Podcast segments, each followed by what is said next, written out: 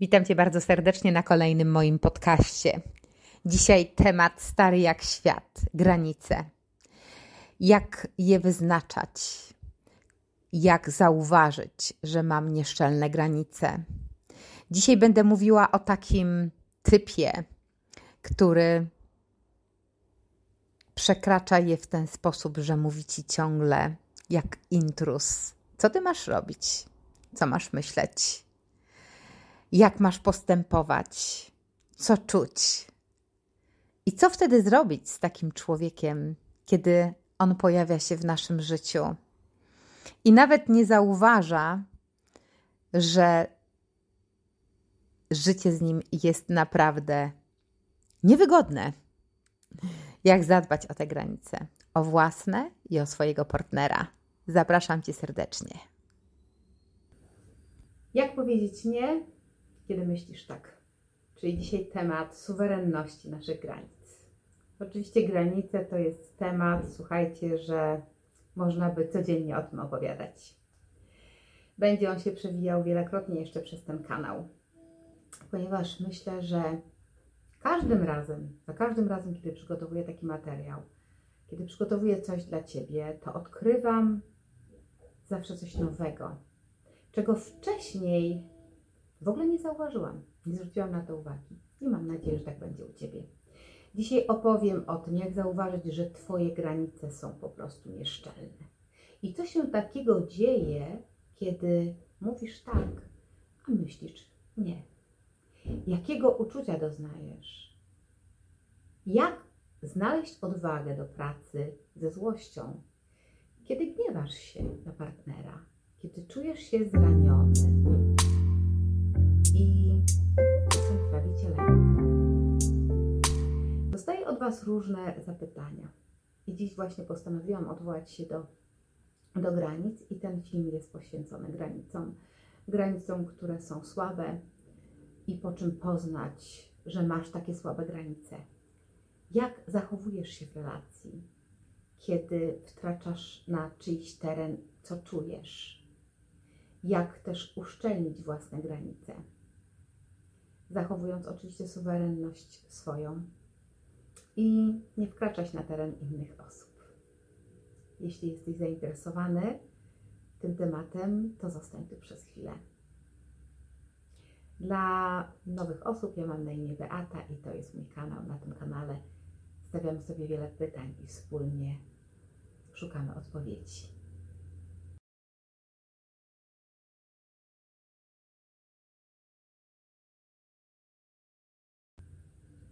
Ktoś, kto ma słabe granice, to nie tylko osoba, która pozwala sobie wchodzić na głowę. To jest też, a może przede wszystkim, osoba, która wkracza nie na swój teren, która nie rozumie lub nie chce zaakceptować tego, że w tym właśnie miejscu kończy się jej wpływ. I zaczyna się obszar, który już do niej nie należy. To jest osoba, która często jest postrzegana jako intrus, który się szarogęsi, nie na swojej ziemi. To jest ktoś, kto nieustannie Cię poucza, kto Ci zwraca uwagę, koryguje Twoje zachowania i zachowania innych ludzi. Mówi im, co mają robić, co mają mówić, co mają myśleć, jak mają się zachowywać. Wtrąca się we wszystko. Jeśli ktoś tak robi, to znaczy, że w jego psychice są bardzo słabe punkty i niewiara w siebie. Jest tam lęk. Są to też osoby, które szukają innych osób, na których się mogą oprzeć, zamiast poszukiwać oczywiście oparcia w samym sobie i, a, i takiego, takiej siły w samym sobie, to oni szukają tego w innych. Człowiek, który ma słabe granice, to generalnie jest człowiek, który zmusza innych, żeby robili to, co on chce. To jest osoba, która ma bardzo niską empatię albo w ogóle nie jest empatyczna. Ona nie rozumie potrzeb innych ludzi, bo często kojarzy empatię z jakąś ogromną wrażliwością, ze zdolnością tylko do współczucia. Ale empatia to jest przede wszystkim rozumienie głębokich potrzeb innych ludzi. I ci ludzie są różni niż my, więc te potrzeby są również różne. Przecież my jesteśmy zupełnie inaczej zbudowani, zupełnie inaczej wychowani, mamy różne po potrzeby, te granice mają różne granice, ale empatia takich ludzi, poprzez to, że jest zaniżona, powoduje duże problemy w relacjach. I człowiek, który ma te słabe granice, uważa też innych ludzi za głupszych. Głupszych od siebie. Często mówi, ach, jaki głupek, a głupio gada. Uważa, że ludźmi może się tylko wyręczać, że to inne osoby powinny go zadawalać i jest też bardzo kontrolującym typem. Takie osoby kontrolują innych, ale też mają wysokie poczucie samokontroli, czyli kontrolują też cały czas, czy inne osoby nie weszły na ich teren. Potrafią świetnie manipulować, kontrolować, uważając, że mm, inni mogą czyhać też na ich suwerenność, więc są strzegący i kontrolujący. Mają często takie przeświadczenie, taką obawę, że jeśli trochę odpuszczą tą kontrolę, jeżeli podarują tą kontrolę, to natychmiast ktoś inny wejdzie im na głowę. Bardzo się tego boją. To jest taka swoista projekcja. Nie lubią, żeby ktoś mm, decydował za nich, żeby ktoś przesunął te granice. Mm, absolutnie tak, jak oni sobie tego nie życzą. Oni dyktują, jak ty masz się zachowywać, jak masz żyć, co masz zrobić, co masz, co masz myśleć, jaki masz być. Ale przecież kurczę, no nikt nie lubi się czuć głupszy w związku, prawda? Przecież większość z nas ma tendencję do tego, że mówimy innym, co powinni robić. Natomiast nie pamiętamy o tym, że każdy z nas jest zupełnie inny i ma inne oczekiwania, inne pragnienia, inne potrzeby. Ale lubimy tak zarządzać innymi. Więc myślę, że sami większość ludzi ma po prostu nieszczelne granice. I żeby je jasno określić, to trzeba się nad tym naprawdę zastanowić, czy jesteśmy, e, jacy jesteśmy. Oczywiście, że idealnie by było korzystać z ogromnej wiedzy teraz i, i z tego, co mamy, wiedzy o emocjach, o potrzebach, o, o potrzebach jednej i drugiej strony i wypracować jakąś wspólny, wspólny front. Trochę inaczej oczywiście się ma rzecz wtedy, kiedy wkraczamy na teren inny, na przykład teściów. Wtedy musimy respektować ich zasady, czyli nie próbować rządzić na ich terenie, zachowując dla siebie jakiś komfort. Taki kontakt najlepiej jest potraktować trochę jak wyjazd służbowy.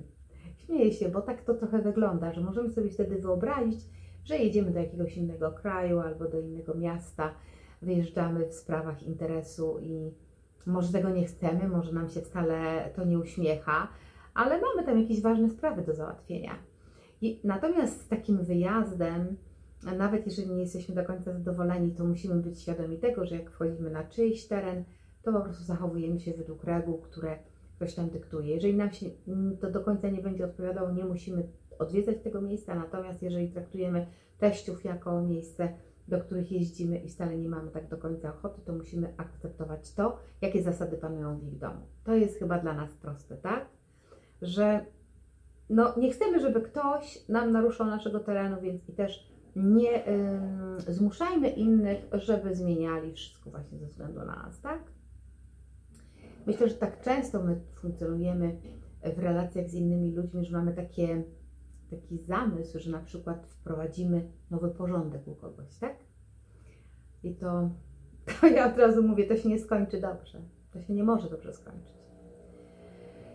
Na chwilkę muszę się cofnąć oczywiście do początków naszego życia, do czego często wracam. Kiedy tworzymy własną autonomię, czyli kiedy byliśmy bardzo mali, to uczyliśmy się oczywiście tego, że nasze potrzeby są słyszane czy widziane i albo były, albo nie. Wszystko zależało od naszej interpretacji.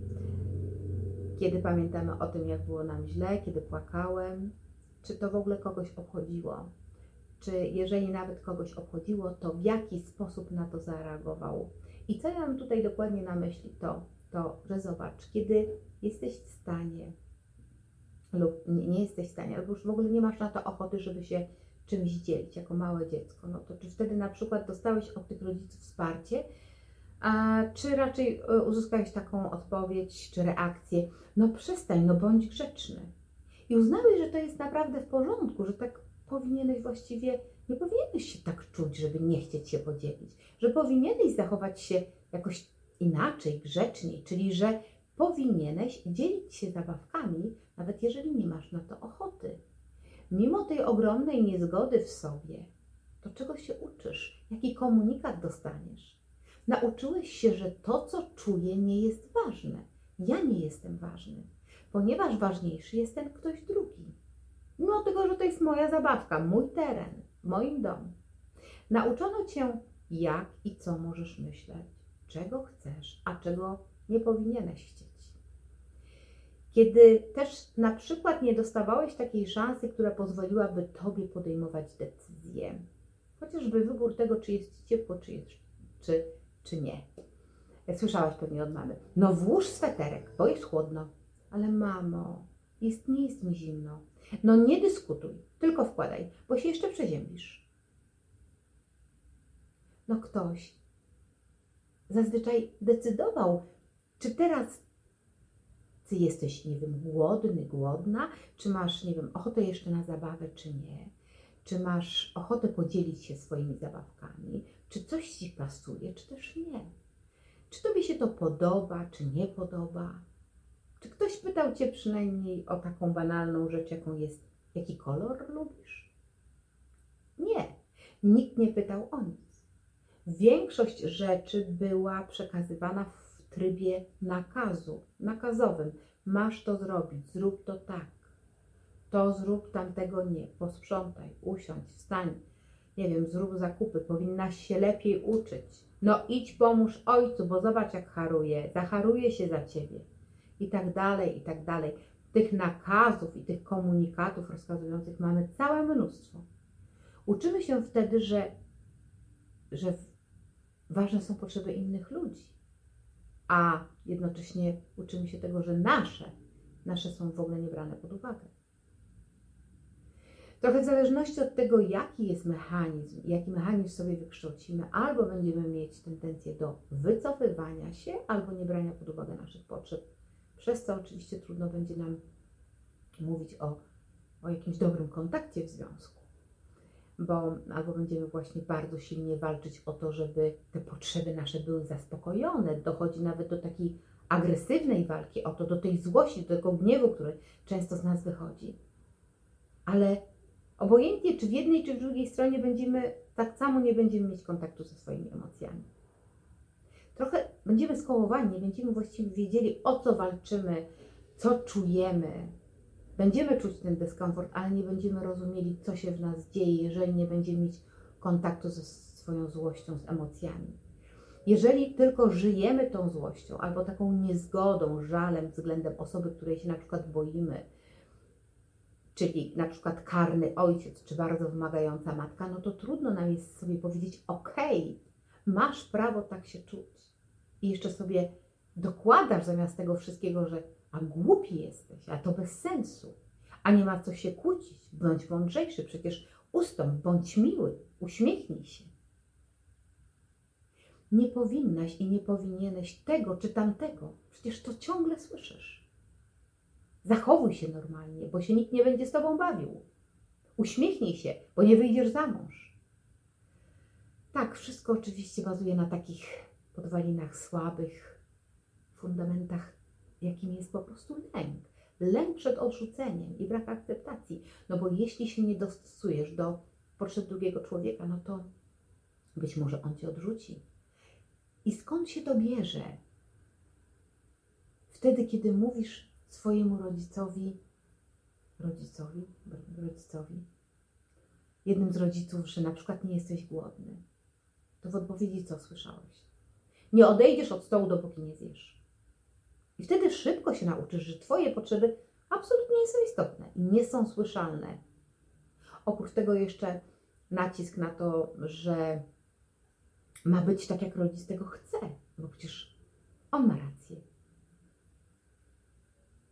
Zwłaszcza kiedy rodzice mają taką tendencję reagowania obrażaniem się albo jakichś agresywnych zachowań. Zamknij się, cicho bądź, albo na zamówienie taki sztandarowy tekst mamusi. No zjedz zupkę, mamusi będzie smutno. To przez to uczymy się naprawdę, to jest taki szantaż emocjonalny i, i on był zastosowany tylko wtedy, kiedy zaspokajano potrzeby drugiego człowieka. Jest, jest to naprawdę nie fair. Po prostu nie fair. I takie zachowania utrwalają nam się bardzo silnie w naszej głowie, w naszym sercu, w naszych emocjach. I ta przeszłość towarzyszy nam bardzo mocno. I świadomie w relacjach to wychodzi. Uczymy się budować, kiedy uczymy się budować świadomie już związek, to możemy wiele zmienić. Ale jest nam trudno wyjść z tych schematów, tych działań, które są dla nas bardzo destrukcyjne, więc często stawianie granic drugiemu człowiekowi wiąże się naprawdę z takim działaniem, mogę powiedzieć, napadającym. Takim agresor nam się włącza. Albo odwrotnie, całkowicie prze, przeciwległym, czyli ulegającym. I dobrze by było znaleźć gdzieś tutaj ten wspólny złoty środek, ale jest to trudne. Ucząc się tego szukania środka, uczymy się tak naprawdę siebie i na początku będzie nam bardzo, bardzo trudno. I może nam nawet nie wychodzić. Bo żeby nauczyć się stawiać granice i akceptować granice drugiego człowieka, to najważniejszą rzeczą, jaką mamy do zrobienia, my wszyscy, to jest nauczenie się radzenia sobie z własną złością, z tym gniewem, pozwolenie sobie, żeby wyrazić to. I bez względu na to, czy jesteśmy osobą, która złość skrywa, chowa, czy jest raczej łagodna, to może jest taka osoba, która powie mi, a wiesz tam, ja tam się od długiego czasu już w ogóle nie złoszczę. Może twierdzisz i mówisz mi, że ja tam ze złością to jestem za pan brat. A może też odwrotnie jesteś taką osobą, która powie, że osobie, że tej złości używa nadmiernie, że jest bardzo krytyczna, bardzo szybko się, nie wiem, zapala, jesteś taki agresywny. Czasem mamy takie pomysły, że jeśli uczymy się stawiać granice, to musimy to zrobić jakoś tak miło, łagodnie. Tak wiesz, żeby nikogo nie, nie zranić, nie? No nie, to ja Ci muszę naprawdę rozczarować, bo stawianie granic nigdy nie jest łagodne ani komfortowe. Ponieważ przez całe lata naszego życia uczyliśmy się chować głęboko złość i teraz nagle mamy ją wyrażać ładnie, wprost, no to powiem, konia z rzędem. Kawał roboty mamy do zrobienia. Jedyne, czego moglibyśmy się nauczyć, to samokontroli i patrzenia, w którym momencie moja złość jest, jaka ona jest, jak ona wygląda, gdzie ją czuję, stąd dotąd, skąd ona pochodzi, czy jakie granice przekracza, czyje to głosy słyszę. Czasem ludzie mówią do mnie, wiesz, do mnie nie przychodzi żadna świadomość. Ja nie potrafię się w ogóle skupić. Nie rozumieją, że żeby przyszła ta świadomość i kontakt ze sobą, ze swoim ciałem, ze swoją emocją, to musi być ta uwaga skierowana i skoncentrowana właśnie tam. I trzeba się zajmować tą złością, tylko złością, nie kotletami na obiad. Myśleć o tej złości, kierować i uwagę i ten oddech właśnie tutaj. I zadawać sobie pytania, skąd ona pochodzi, co ja teraz czuję. Wtedy można powiedzieć, że procesujesz złość. Pobyć z takim uczuciem na serio, umieć dać sobie zgodę na to, że może nam nie wychodzi najlepiej, ale to, że nie wychodzi, to nie oznacza, że metoda jest beznadziejna albo że co najgorzej ty jesteś beznadziejna, czy beznadziejny, bo że coś nie wychodzi i że to, to nie jest twoja wina. I jak sobie wyrzucasz, że a, powinnam lepiej to zrobić, powinnam to przewidzieć i tak dalej, to nie ma twojej winy. To, czego się uczysz, możesz robić w swoim tempie i nie słuchaj nikogo. Zrób to po swojemu, z koncentracją i z miłością do siebie. Natomiast kiedy już nauczysz się takiego kontaktu ze sobą, ze swoją złością i masz już tą decyzję o tym, że jest ok, dobra, być może to już jest czas żeby powiedzieć na przykład mamie o tym, żeby, nie wiem, nie mówiła mi, co, co ja powinnam robić. Że jak powinnam wychowywać swoje dziecko, jak powinnam odzywać się do męża, w jakiej koszuli mój mąż powinien chodzić, że może w końcu zwrócić jej uwagę, żeby nie kupowała słodyczy Twojemu dziecku, ponieważ Wy nie jadacie słodyczy. Kiedy decydujesz coś powiedzieć, to bardzo przychodzi do Ciebie taka myśl, no nie powiem. No nie powiem, bo się obrazi. Rodzice przecież obrażają się na nas bardzo często. Może się złości, a nie będzie się odzywał do mnie, a przestanie, nie wiem, mnie lubić, może kochać, wykluczy mnie z grona znajomych albo z rodziny, nie wyklnie, nie wiem, wyrzecze się mnie, cokolwiek przychodzi nam do głowy. To zachowanie wtedy przejdzie w taką zależność od tego, jakie sposoby radzenia z frustracją ma ta druga strona. I będzie to zależało właśnie od tego, jak ona na to zareaguje. Najlepiej oczywiście, idealnie stawiać granice jest w taki sposób, żeby wyrażać złość w sposób, który nie rani. Oczywiście najlepszą metodą jest Nonviolent Communication, czyli Marshall Rosenberg. Ale czasami nie ma takiej możliwości, żeby nie urazić kogoś, żeby nie zranić czy nie dotknąć wrażliwego miejsca. Należy się tego uczyć. Ta metoda jest doskonała. Kiedyś nakręcę o niej film. Najlepiej jasno powiedzieć i wyraźnie, na przykład przesadzasz, nie podoba mi się to, czuję się pominięta, czuję się zlekceważony, czuję się nieważny, Ucz się wyrażać tego, co jest w tobie. Ci, którzy czują dyskomfort, oni najgłośniej krzyczą, że się w głowach poprzewracało, co to za czasy, ja miałem jeszcze gorzej, u mnie w domu dziecko nie miało mm, głosu i tak dalej, i tak dalej, i tak dalej. Co ty sobie wyobrażasz? W głowie ci się przewraca. A ty przecież, jeżeli czujesz i właśnie czujesz, że ci się w głowie nie poprzewracało, to powiedz to i zobacz, co się stanie. Miej świadomość tego, że w tej drugiej osobie też są emocje i mogą się one pojawić, ale ty nie jesteś ich sprawcą. Przecież nikt tutaj nie jest z kamienia, jesteśmy ludźmi, mamy swoje emocje, mamy swoje granice, mamy swoje potrzeby. Ty i ten drugi człowiek możecie poczuć się zraniony, dotknięty, smutny. Ale jeżeli każdy z Was weźmie odpowiedzialność za to, by coś z tym zrobić, coś zrobić z tymi uczuciami, to jesteśmy na świetnej drodze. Zadajcie sobie pytanie, zadaj Ty sobie pytanie, czego ja chcę, na co chcę się zgodzić, a na co nie, czemu chcę się podporządkować, a czemu nie, jak chcę funkcjonować. Oczywiście, że każdemu nam zależy na to, żeby być w zgodzie z innymi, ale najważniejsze jest być w zgodzie z sobą. I ważne jest, żeby określić, na które rzeczy jestem w stanie się zgodzić. I daję sobie na to, do tego prawo czy przyzwolenie, a na ile nie. To jest długi proces i do tego trzeba się uczyć. Trzeba się uczyć stawiać granic. Podobnie trudno jest rozpoznawać granice drugiego, drugiej osoby, dlatego tak ważne jest, żeby w relacji każdy był uczciwy i mówił o sobie, o sobie, o swoich uczuciach.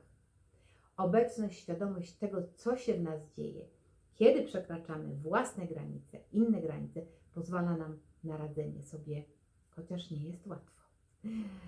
Możesz poprosić kogoś na przykład, żeby ktoś powiedział do ciebie coś łagodniej. Ale do tego wszystkiego potrzebny jest dialog, żeby móc się spotkać. Jeśli wiemy, że mamy tendencję do tego, że przekraczamy granice drugiego człowieka, to Musimy być na to uważni. Nie ma innego sposobu. Nie obrażać się, nie odwracać plecami, tylko być uważnym. Ale przy tym nie wycofuj się z wyrażenia swoich potrzeb i do tego, co byś chciał czy chciała, trochę na takiej zasadzie, dobra, nie to, nie to ci nie powiem. Albo skoro ci się nie podoba, no to teraz nie będę ci już o tym mówiła. Albo dobra, nie będę w ogóle poruszać tego tematu. Kobiety mają takie tak zwany donsfoch, nie rób tego, nie, naprawdę. Zobacz, czy to jest jakoś tak w zgodzie z Tobą. Jak Ci z tym jest? Jeżeli coś Ci nie pasuje, to sprawdzaj siebie i i tego też drugiego człowieka. Bierz to wszystko pod uwagę. Jest taka szansa, że może gdzieś tutaj w środku spotkacie się z tym wszystkim.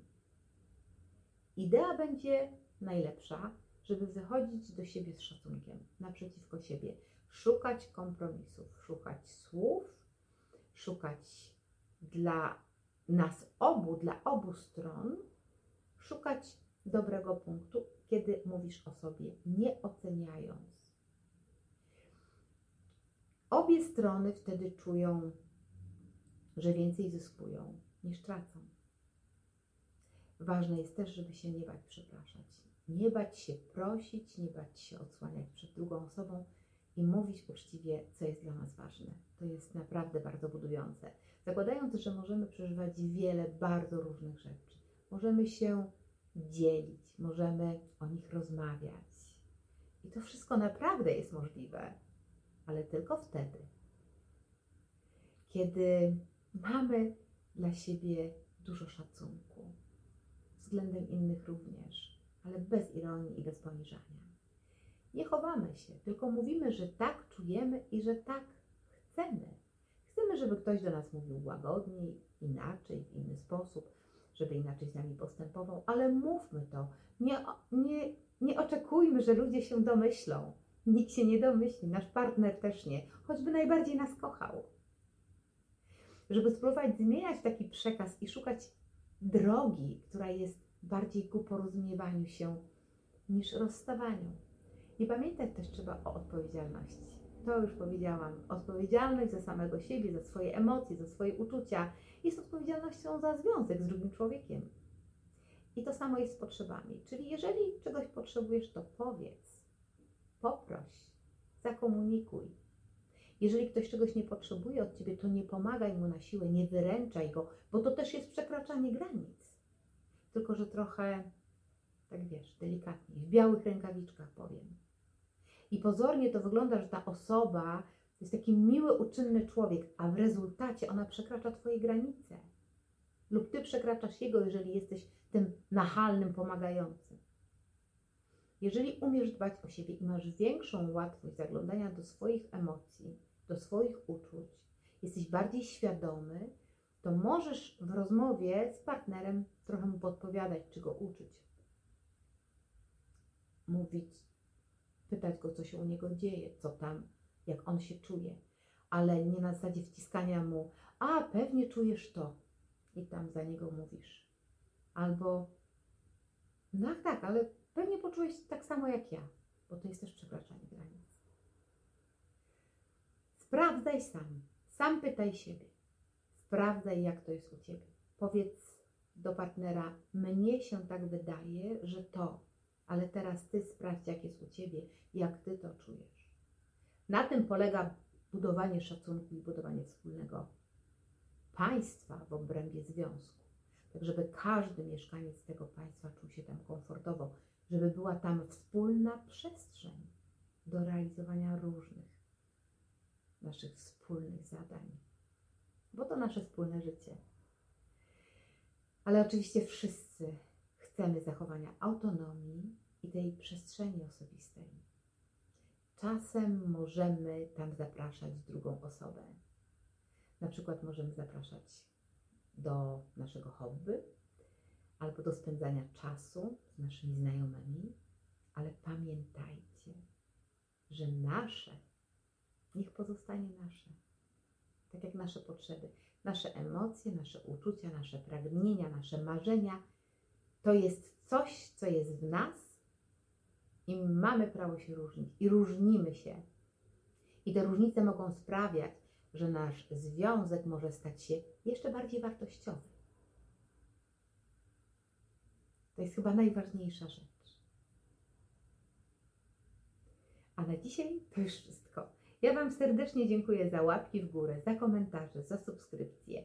Oczywiście zachęcam, żebyście się dzielili tym filmem, jeżeli komuś się ten film podoba i uzna go za wartościowy. Na wsparcie indywidualne zapraszam Cię oczywiście do kontaktu. Znajdziesz go pod tym filmem. E, będzie link do mojej strony. A dzisiaj pozdrawiam bardzo, bardzo serdecznie i dziękuję Ci za czas, który spędziłeś tutaj ze mną. Do zobaczenia.